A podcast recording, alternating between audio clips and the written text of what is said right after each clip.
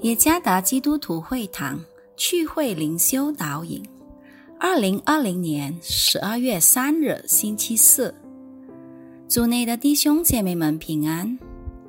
今天的灵修导引，我们将会借着圣经《路加福音》十二章十三到二十一节来思想今天的主题：谨慎贪心。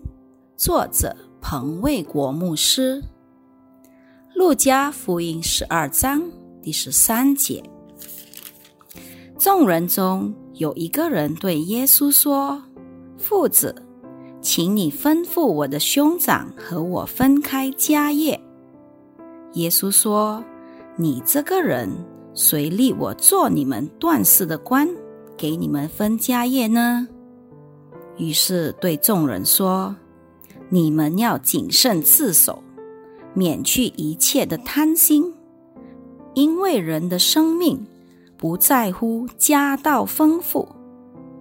就用比喻对他们说：有一个财主，田产丰盛，自己心里思想说：我的出产没有地方收藏，怎么办呢？又说：我要这么办，要把我的仓房拆了。另盖更大的，在那里好收藏我一切的粮食和财物。然后要对我的灵魂说：“灵魂啊，你有许多财物寄存，可做多年的费用，只好安安逸逸伺候快乐吧。”神对他说：“无知的人呐，今夜必要你的灵魂，你所预备的。”要归谁呢？凡为自己积财在神面前却不富足的，也是这样。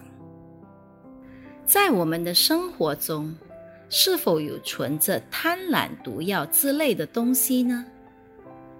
贪婪毒药就是一种强烈的欲望，过于追求更多的安逸与奢侈，包括金钱与财物。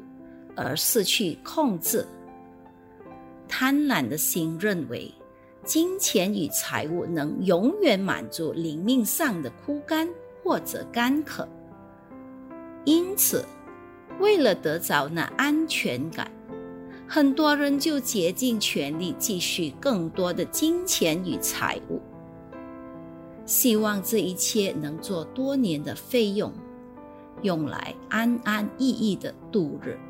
寻欢作乐。若是这样，这是否意味着基督徒就不能赚钱以及积群财物呢？耶稣或者基督信仰是否反对基督徒成为富人呢？当然没有。这段经文描述有一个人要求主耶稣。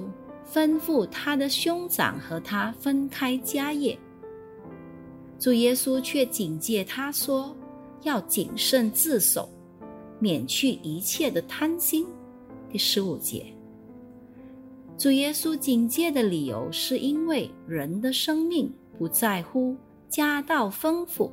第十五节，为了更清楚的来解释他的教导。主耶稣用了一个财主的比喻，那个财主寄存了许多财物，可做多年的费用，用来安安逸逸的吃喝快乐。那么，那个比喻中的财主问题出错在哪里呢？那个财主存着贪婪的心，以及不平衡的生活态度。因为他只重视财物丰富和田产丰盛，而忽略了灵命上的丰富，那就是与上帝建立亲密的关系。比喻中的那个财主，只是在世上富足，在上帝的面前却不富足。第二十一节。总而言之，问题不是处于富足不富足。而是贪心以及不敬畏上帝和他的真理，导致了内心仍旧邪恶。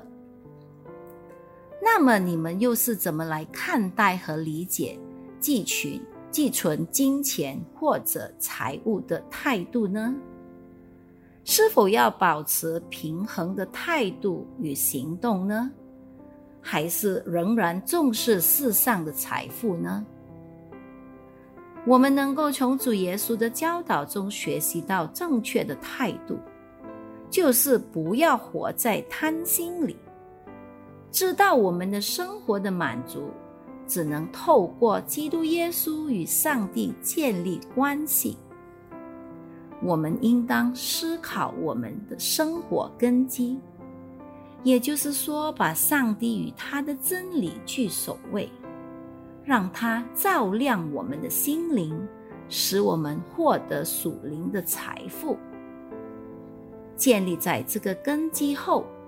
我们将会在使用上帝赐给我们的金钱和财物上有更正确的认识，让上帝和他的真理居首位，来提防一切的贪心。愿上帝赐福于大家。